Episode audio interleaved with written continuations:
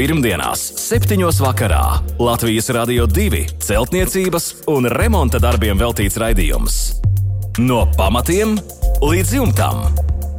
Ar padomiem un atbildēm uz klausītāju jautājumiem Latvijas Rādio 2 studijā - tehnisko zinātņu doktors, būveksperts Juris Biršs. Sveicināti Latvijas Rādio 2 raidījumā no pamatiem līdz jumtam. Studijā Inese un kā alaž pirmdienas vakarā uz jūsu jautājumiem atbildes un padomus sniegs tehnisko zinātņu doktors, būveksperts Juris Biršs. Labvakar, Biršs kungs! Labvakar! Rekā laiks mūs lutina. Nu, Tik silts un patīkams. Nu, Atcīm redzot, esam pelnījuši. Esam, esam noteikti pelnījuši, un mūsu klausītāji ir pelnījuši, un visi celtnieki, un visi tie, kuriem remonta darbi rit pilnā sparā, arī noteikti to ir pelnījuši lai viss izdodas, lai viss izdodas veiksmīgi pabeigt un iekārtot un padarīt. Un tālāk mēs esam gatavi sniegt padomu tiem, kuri to ir lūguši šajā vakarā. Un savus jautājumus jūs varat iesūtīt pavisam vienkārši, izmantojot mūsu Latvijas radio 2 e-pasta adresi remonds at lr2.lv. Sūtiet jautājumus, pievienojiet fotoattēlus, un jau pēc kāda laika mēs noteikti uz visiem jautājumiem atbildēsim. Bet šovakar sāksim ar jautājumu, kuru mums ir iesūtījis uh, Sandis. Par vecu koku māju apmūrētu ar silikāta ķieģeļiem. Tagad tā māja ir nosiltināta, bet istabās ir ļoti slikta ventilācija. Sajūta ir kā vakumā. Bieži veidināts tiek telpas, bet tas neko nemaina. Un Sandis ir satraucies, un, protams, situācija nav patīkama un jautā, kā atrisināt ventilācijas problēmu. Veca koka māja apmūrēta ar silikāta ķieģeļiem. Jā, nu, problēma, protams, arī ir parādījusies, bet uh, Sandrs varēja mazliet mūs palutināt ar labāku atbildi. Tātad veca koka māja apmūrēta ar silikāta ķieģeļiem. Tas nozīmē, ka uzreiz mēs zinām, ka starp silikāta ķieģeļiem un koka māju ir pašu koku ir, ir sprauga, sprauga. Tagad tā tālāk tiek rakstīts, tagad tā ir nosiltināta, bet kā viņa ir nosiltināta? Ja no ārpuses, tad ir ļoti slikti, ja tikai no iekšpuses, tad uh, ir jau mazliet labāk, bet varbūt ir arī aizpildīta šī sprauga, jeb šī sprauga ir vaļā. No tā atkarīgs tieši viss pārējais. Pat tāpēc arī es teiktu, ka netik daudz istabās uh, ir šī sliktā ventilācija, tāpēc, ka kad nav trūkst ventilācija vai viņa teiksim, būtu jāpilnveido, bet galvenokārt ir tieši šis siltinājuma princips, jo viņš arī rada to. Ja mēs nosiltinājam no ārpuses, tad mēs radām ļoti mitrus un nepatīkams gaisa apstākļus telpās. Ja mēs nosiltinājam no iekšpuses, nu tad tā lieta labāk būtu, ja mēs būtu pareizi siltinājuši un nosiltinājuši pirms to gaisa spraugu. Un tad varēja darīt, kā grib. Tad mēs katrā gadījumā jūtam, ka kaut kas šeit nav izdarīts. Tātad pirmais, kas Sandim ir jāsaprot, vai ir nosiltināta gaisa sprauga, cik liela ir šī gaisa sprauga, jānoskaidro un jānoskaidro vai viņa ir piepildīta vai viņa nav. Ja viņa nav piepildīta, viņa jāpiepilda jebkurā gadījumā. Jo m, mm, tikai tad, ja mēs siltināsim no iekšpuses un uh, spraugu atstāsim, mēs krāsim šajā spraugā mitrumu. Nu, protams, mēs aizsargājamies no iekšpuses, bet tas ir mm, tā siena, koks bojājas tāpat. Tās. Tāpēc no viss tā kopumā ir šī nu, teiksim, šī iespējas, ka it kā nav ventilācija. Kas attiecas uz pašu ventilāciju, es ieteiktu paņemt par piemēru vienu no istabām, vienu no telpām un ierīkot logos Mm, ventilācijas restītes, aireko tipa tādas mm. Speciāls atvērs. Jā, un uh, kas darbojas uz ķīmijas principu, viņas nav jāuzpasē, nav automātika, nav elektrība, nekas nav, nav vajadzīgs.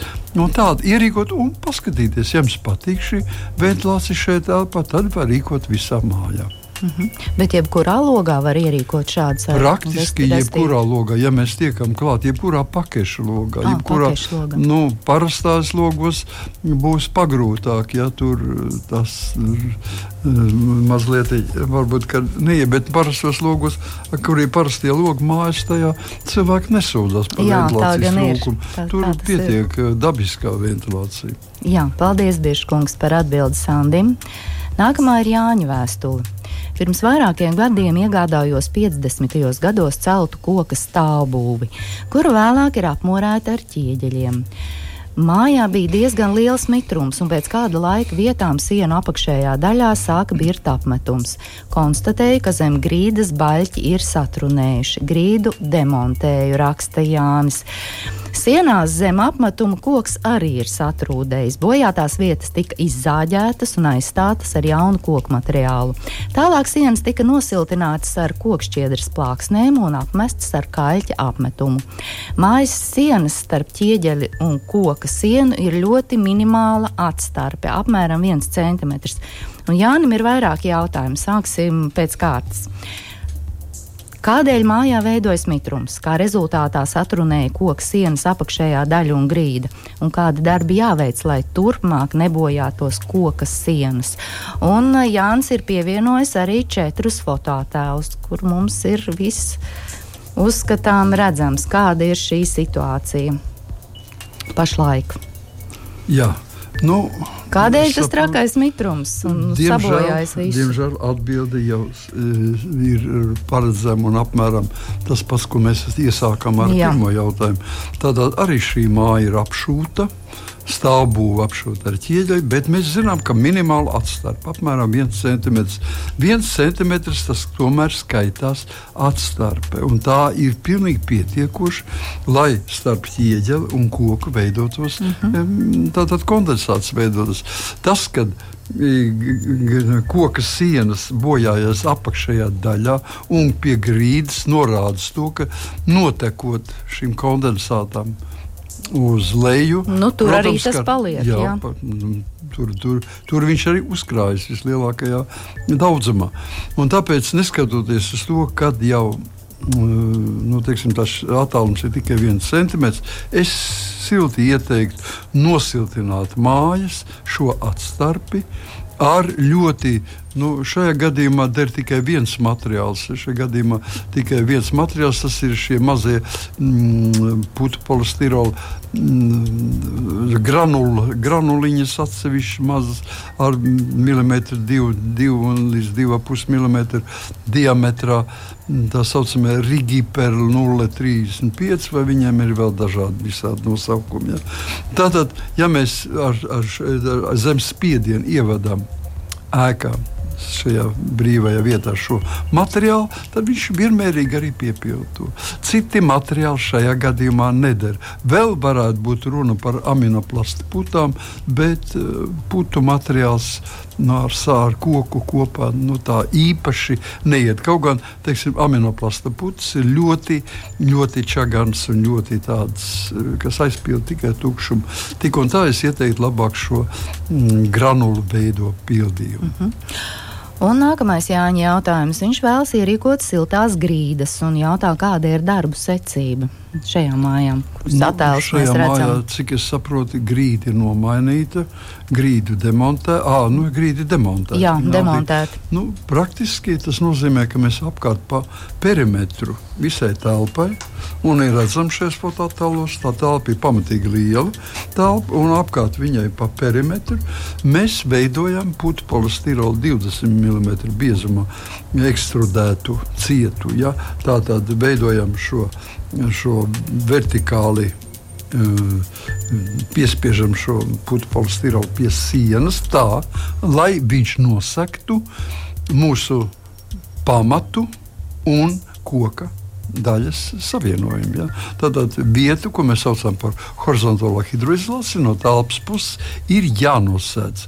To nosēdz lūk ar šo materiālu. Pēc tam visā telpā mēs ieklājam Nu, varbūt nedaudz ir iespējams tur paņemt no to lieko, lieko grunti un ieklājam šķembas, tā lai mēs varētu noblīvēt šīs šķembas un, un viņu biezums noblīvētā veidā būtu apmēram 10 cm.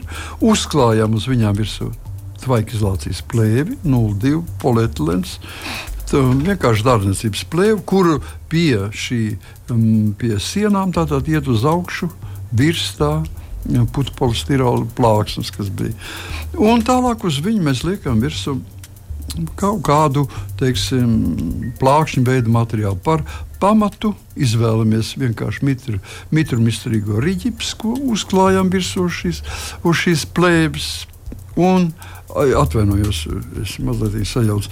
Virs plēves tātad mēs liekam virsū nu, ne vairāk kā 5 cm putekļa polistirola siltumizolācijas materiālu. Siltumizolācija, jā, siltumizolācijas materiālu liekam.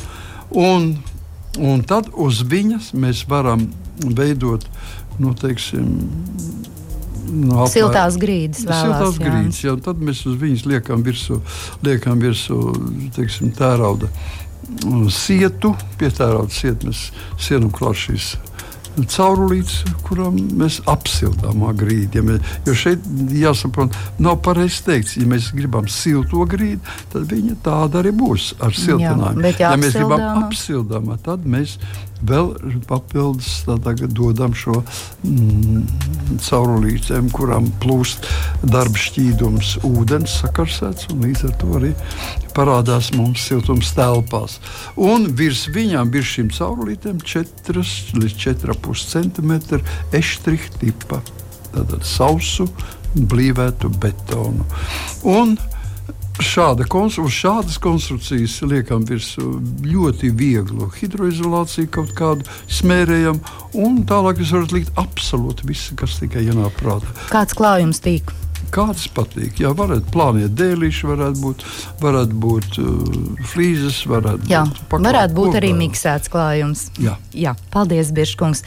Un ļoti interesants jautājums. Zinu jau jūsu atbildi, kā nomainīt logus un apstrādāt ailes jautā Jānis. Visi meistari iesaka izmantot putas, bet mani tas neapmierina. Ko jūs ieteiktu?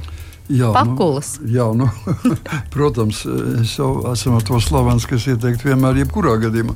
Pakulas, vai nu līnu pakulas, vai kaņepāja pakuls. Mēs šodien veikalos ir dabūnams, dabūnams šie kaņepāju pakuls, kas ir ārkārtīgi tehnoloģisks un viegli izmantojams kā drīvējamais materiāls. Un tāpēc es ieteiktu bez šaubām izmantot šos materiālus. Visi meistari iesaka, tāpēc, ka pirmkārt puse no meistariem, es domāju, tā lielākā puse vispār nezina kaut ko citu. Otrām kārtām, nu, tas ir ārkārtīgi vienkārši. Minūtes 10, 15 mm -hmm. mums ir iestrādāts lokus. Ja mēs pielietojam šos pakulu metodi, Tad mums aiziet, lielāks darba apjoms. Vairākas stundas Jā. uz vienu, vienu logu. Bet toties, tas darbs ir uz simts, simts gadu kā minimums. To tajā vietā pakuls uz pusotru gadu. Ne? Tas jāatvainojas. Eh, tas putekļa stirols Jā. ir tikai uz putekļa uritāns. Ir tikai uz bija, nu, pusotru gadu maksimums. Jā, vērts ieguldīt šo laiku darbā. Paldies par atbildi Jānim. Santa raksta. Iepriekš bija katls ar malkas apkuri, bet tagad pārgājām uz granulām. Katls atrodas mājas vasaras verandā, izmantojot veco metāla skursteni, kas piestiprināts viena metra attālumā no sienas. Skursteņa parametri ir augstums 6,5 metri, iekšējais di diametrs 200 mm, biezums 6 mm. Sākoties ziemai, skurstenis no iekšpuses tik ļoti svīda, ka nācās izurbt caurumu, lai ūdens neplūstu katlā. Tā arī visu ziemu ir nomocījušies. Vietējie skārdnieki ieteica skurstenī no augšas ievadīt nerūsējošā tērauda plānsieniņu cauruli, kuras diametrs ir 150 mm ar distanceriem, lai nepieskartos pie biezās caurules un telpu starp caurulēm piepildīt ar vieglu pulveri, kas neļautu atdzesēt plānsieniņu cauruli. Vai šāds pulveris pastāv, jautā Santa. Kāds ir tā nosaukums? Varbūt ir kādi citi varianti. Abi skursteņi svīst joprojām, un, un ziema tuvojas, rudens, birškungs. Jā, jā, nu, ir jārīkojas. Es saprotu, tas ir pēdējais moments par to mazliet. Varbūt vajadzēja. Tomēr Santa mazliet atkal uh, mums atstāja neziņā. Veranda, bet uh, kur tad tas kurstenis iet? Viņš ir metru no sienas, vai verandas ārpusē, vai viņš ir iekšpusē. Nu, kur tas metrs, kur tas pirmais metrs iet, cik es saprotu, viņš tomēr iet pa, pa verandu, un tad viņš pēc tam ir ārpusē, un tad viņš pagriežas un kaut kur iet uz augšu. Nu, tā iznāk, kas piestiprināts vienu metru attālumā no sienas. Jebkurā gadījumā atbildi ļoti vienkārši. Protams, arī ar strādnieku ieteikuši pareizi varianti. Mums skursteni ir jāsiltina. Bet ņemot vērā, ka 200 mm iekšējais diametrs ir ārkārtīgi liels. Nu, un, teiksim, katrā gadījumā viņš atdzies ļoti ātri. Tāpēc šī mm, svīšana ja, notiek ļoti bieži. Praktiski pareizais risinājums būtu vienkārši visu kursteni nosiltināt. Ja tas, cik es saprotu, nav iespējams izdarīt, tad ieteiktie varianti. Nu, es ieteiktu, ka nevajag ievadīt nerūsējušā tērauda plānsieniņa cauruli, jo tās sadegs tik un tā ļoti ātri. Es teiktu, ka šajā vietā jāievā, jāieliek ir nu, keramiskā caurule. Jā, tā tad jāsaistās ar specialistiem, kas ievada keramiskās caurules, un šī keramiskā caurule nevajadzēs, neprasīs pēc tam ievadīt vēl kaut kādu pulveru vai kaut kāds mm. teiksim, siltumizolācijas materiāls. Pie plānsieniņa uh, nerūsējušās caurules, protams, ka vajadzēs aplikt ar, ar uh, siltumizolācijas materiālu. Šai gadījumā es domāju, ļoti stabili varētu smalkās frakcijas keramzīts, granulēts būtu nemaz nekādu pulveri mums nevajag. Nu, ja pielieto pulveri, tad tie pulveri ir. Nu, es pat nezinu, kur viņas var, vai viņas tik vienkārši viņas var pasūtīt, veidot, bet tik vienkārši nemaz nevar, nevar dabūt. Un, un var pielietot akmens vatas, vienkārši nedegošās akmens vatas. Arthurs jautā par lauku mājas griestu izbūvi un siltināšanu. Vēlos izbūvēt istabas griestus lauku mājai. Starp sijām būs spundētie dēļi, tad 5 cm gaisa sprauga un šķērsām uz sijām lāgas, uz tām bērniņu grīda. Starpu starp lāgām vēlos aizpildīt ar vati. Un tagad jautājumi, kur un cik liela jāatstāj gaisa sprauga? Vai vajadzīga arī plēve un cik biezai jābūt siltumizolācijas vates kārtai. Bērniņi nav siltināti un netiks arī apkurināti. Un Artaurs ir pievienojis uh, fotoattēlu ar pīrāgu, kuru viņš vēlas izveidot. Vai tur viss ir pareizi? Jā. Jā. Principiālā bez izmēru sakot, šis skice ir pareiza, un to mēs arī varam. Mēs tikai saliksim tagad eh, tos izmērus, kas viņai trūks. Jā. Tātad, jā, vispirmais, kas mums jāpaskaidro Arturam un arī citiem, kas klausās, tātad šajā gadījumā mēs pielietojam Arthurs ir iesūtījis skici ar tā saucamiem melnajiem griestiem. Atceramies visi uz vien, visiem laikiem.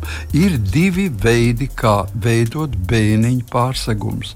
Vai nu jūs to veidojat pēc vecām metodēm, ar melnajiem griestiem, vai mēs to veidojam mazliet modernāk, ar tvaikizolācijas plēvēm.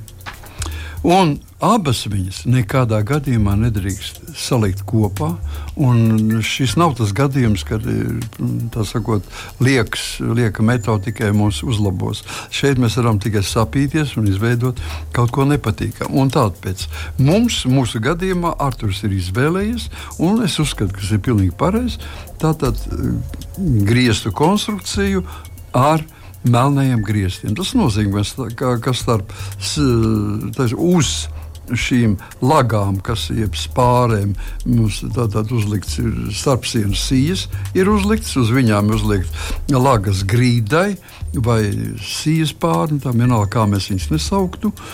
Un uz leju pie starpstāvu sijām, mēs piesitīsim atsevišķus latiņus, kas mums dos šo gaisa spraugu. Šī gaisa spraugai, lai mēs varētu strādāt kā melnajiem grieztiem pilnīgi pietiekoši 30 mm. Mazāk nedrīkst, vairāk nu, līdz 50 mm maksimums. Arī vairāk nevajadzētu pārcensties. Tātad no 30 līdz 50 mm. Tālāk tas nozīmē, ka viņi ir veidoti gaisa dēlīši, kas savieno istabas gaisu ar šo tukšo gaisa vietu. Tālāk viņā ieplūst gan mitrais gaiss, gan liekais siltums un mitrais gaiss ieplūst iekšā šajā tukšajā telpā. Un, uh, Siltums iziet, izies cauri tāpat tās visai pārējām uh, sastāvdaļām un siltumizolācijas materiāliem un pazudīs, kas, kā mums ir zināms, apkārtējā telpā izlīdzināsies, bet mitrums uzsūksies kokā, un tur visapkārt ir koks. Tad apakšā šī, šī dēlīša, gar malām lagas, augšpusē mums ir siltumizolācijas materiāls ar visiem, atkal visām grīdas lagām un visiem dēļiem, klā, dēļu klājiem. Tātad viss uzsūcoties kokā, un koks pats tiks galā ar šo lieko mitrumu. Šādas konstrukcijas veidoja gadsimtiņiem. Latvijā. Jo īpaši, protams, te ne, runa neiet par uh, pirtīm un par kaut kādām ļoti mazgātavām, bet gan par apdzīvojamām telpām. Un tā, tā, tā bija pirmais gaisa gais krāva. Kas vēl cik? Plēvis, plēvis nekādas plēvis, nevajag. Plēvis nekādas nevajag šajā gadījumā. Mēs iztiekam ar tēvu tēvu metodēm ar gaisu, mm -hmm. gaisa spraugu. Tālāk, cik biezai jābūt siltumizolācijas vatas kārtai. Ja mēs pielietojam, praktiski šeit var pielietot jebkuru vai nu mēs ruļveida minerālu vati uzrullējam, cik mums ir nepieciešams. Bet šī nepieciešamība apmēram ir 20 līdz 30 centimetri. No 20 līdz 30 centimetri pēc atkarībā no rocības, atkarībā no tā, cik nu katrs var atļauties to lietu darīt.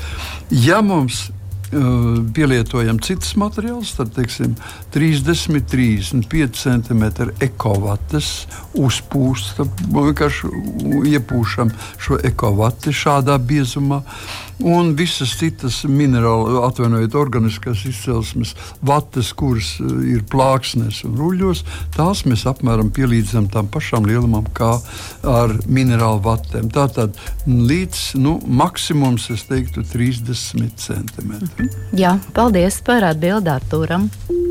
Jautā klausītājs. Juris jautā, un viņam ir vairāk jautājumu. Pirmais, vai tvaika plēve 200 mikronu ir tā pati siltumnīcas 200 mikronu plēve? Jā, tā, tā ir tā pati. Un tālāk daudz dzīvokļu ķieģeļu māja. Pirmais stāvs, apakšā pagrabs, vannas istaba siltināta ar akmens vati 100 mm, virsū tvaika plēve, tad rīģipsis. Vai uz rīģipša virsū uzreiz var likt flīzes, vai arī vajag džutas sietiņu, apmest un pēc tam flīzēt? Jā, jautājums ļoti labs. Viss atkarīgs no augstuma, ja, no telpas augstuma. Ja telpas augstums ir sasniedzis 2,5 metrus vai vairāk, tad telpa varētu būt no 2,5 metriem uz augšu, 3, 3,5 metri. Tad obligāti mēs veicot flīzēšanas darbus uz rīpša, vispirms to rīpsi apknoklājam ar sietiņu. Ja, tas nevienmēr šai gadījumā džutas sietiņa varbūt tas būtu eh, lieki. Šai gadījumā ņemam kaut ko lētāku, vienkārši mm, plasmas sietiņu ar atstiņām 5x5 mm. Uz viņu tātad piešaujam šo sietiņu un tad uz viņu mm, tātad izlīdzinām un, un, un uzliekam virsū flīzējošo līmi. Jā, paldies par atbildi Jurim. Uldis mums ir atsūtījis vēstuli un arī pievienojis divus fotoattēlus un raksta. Sākas 103. sērijas mājas siltināšana. Mājas pagrabu no ārpuses atrok un apmēram ar 2x50 mm putu plastu plāksnēm noklāja. Pagrabs ir neapdzīvots, bet 2 metri augsts. No ārpuses putu plastu plāksnes liek tikai 1 metra augstumā. 1 metrs paliek neatrakts. Pie putu plasta pieliks platu ģeotelpisko membrānu arī 1 metra augstumā. Un uh, Uldis jautā, vai ir vērts likt putu plastu tikai pusē no pagraba augstuma? Tāds ir pirmais jautājums. Jā, nu, atbildēsim uzreiz uz pirmo jautājumu. Tas, kas tiek darīts, diemžēl ir pareizs. Ja? Šajā gadījumā nu, par velti ūdenim vajadzētu, nevajadzētu satraukties. Tāpēc, kad Cokola daļa, mājas cokola daļa ir tā daļa, kas saskarās ar ārā gaisu. Un tā tad bez šaubām, ka šī ir caursalšanas vieta. Mums ir jāaizsargā šī vieta, lai viņi nesaltu. Vienalga, lai pagrabā nebūtu liels augstums, saglabātos pozitīva temperatūra. Mēs viņu noklājam tātad ar, ar divreiz pa 50 mm putu plāksnēm. Ļoti labi. Tas ir viens metrs, bet pagraba augstums ir divi. Tātad nedaudz tiks šis ieklātais. Ieklātais um, plasts uh, ieraksts, uzraksts atpakaļ, un ar to viss arī beidzās. Neaizmirsīsim, ka zem mājas, pie mājas, tuvumā, ziemā grunts nekad nesasalst. Zem 50 cm zem grunts mums ir jau plus 4 grādi aptuveni. Ja?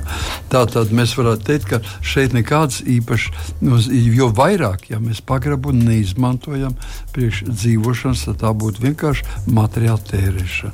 Uzskatu, ka viss tiek darīts pareizi. Mani uzmanīgi dara cits, kas šeit tiek rakstīts, ka ģeotelpiskā membrāna ir jāliek, un tā tad ir tiek likta Nē, jautā, Uldis jautā, vai ģeotelpiskā membrāna ir jāliek ar pumpiņām pret mājas jā. pamatiem. Jā. Nu, jāliek jebkurā gadījumā tikai ar pumpiņām pret mājas pamatiem, bet pirms tam bija ir, ir rakstīts, ka pie putoplasta pieliks platu ģeotelpisko membrānu. Attēlos ir redzams, kā, Attēlos kā šī membrāna nav. ir pielikta. Nē, mēs ne... Otrā attēlā. Nē, tas ir nepareizi. Pielikts ir nepareizi. Es jau tā no, nu, jūtu, pat nepaskatoties iekšā. Mēs neliekam šo, šo tā, tautā saucamo pumpaino membrānu vai telpisko ģevu membrānu. Mēs neliekam pie siltinājuma kārtas. Mēs to liekam zem siltinājuma kārtas pie ēkas sienas. Jo mums ir jāatvada mitrums. Nevis mitrums, kas pienāk pie ēkas, bet mitrums, kas, kas nāk no apakšas un kas iet gar mājas mm, sienu uz augšu. Ja? Zemes mitrums. Jā, tā kā šajā gadījumā, nu, es pašreiz man ir grūti pateikt, vai es redzu šo pumpiņas, Jā. uz kur pusi ir pielikt. Pirmkārt, ja būs šādā veidā pielikt, kā rāda fototēls, tad pumpiņas iespiedīsies iekšā putu materiālā. Nekāda jēga nebūs. Nekāda jēga nebūs. Tas jau ir pirmais aizrādījums. Bet pareizs risinājums ir pumpiņas šo materiālu vajadzēja likt pirms. Mm, Putupalis. Šajā gadījumā, kā iziet no situācijas? Jā. Situācija iziet vienkārši. ir jāatrok vēl dziļāk jālaiž tā, tā, no, no tur, kur, kur ne, nebija noklāts šis siltumizolācijas materiāls. No tās vietas ir jāsāk. Teiksim, vēl no vismaz centimetrs 30 uz leju, kur nebeidzās siltumizolācijas materiāls. No tās vietas ir jā, jāieklāj šī pumpiņu materiāls, un tad viņš var viņš paņem visu, kas gar sienu nāk, un izved ārpusē virs pumpiņām. Ja? Tā kā nu, šai gadījumā virspusē, virs pumpiņām ir milzīgs, milzīgs Jā, nu. metrs nu, vesels ieklāts. Nu, viņam, būt, viņam bija jābūt uz leju vēl. Ja? Jā, nu šīs ir kļūdas celtniecībā der pajautāt pirms šādas lielas darbas. Starp citu, lai mēs šeit otrajā attēlā mēs ļoti labi redzam arī to, ka ir tiek pamatīgi apbērts. Ja? Un tāpēc eh, pirmais jautājums ir pilnīgi pareizs.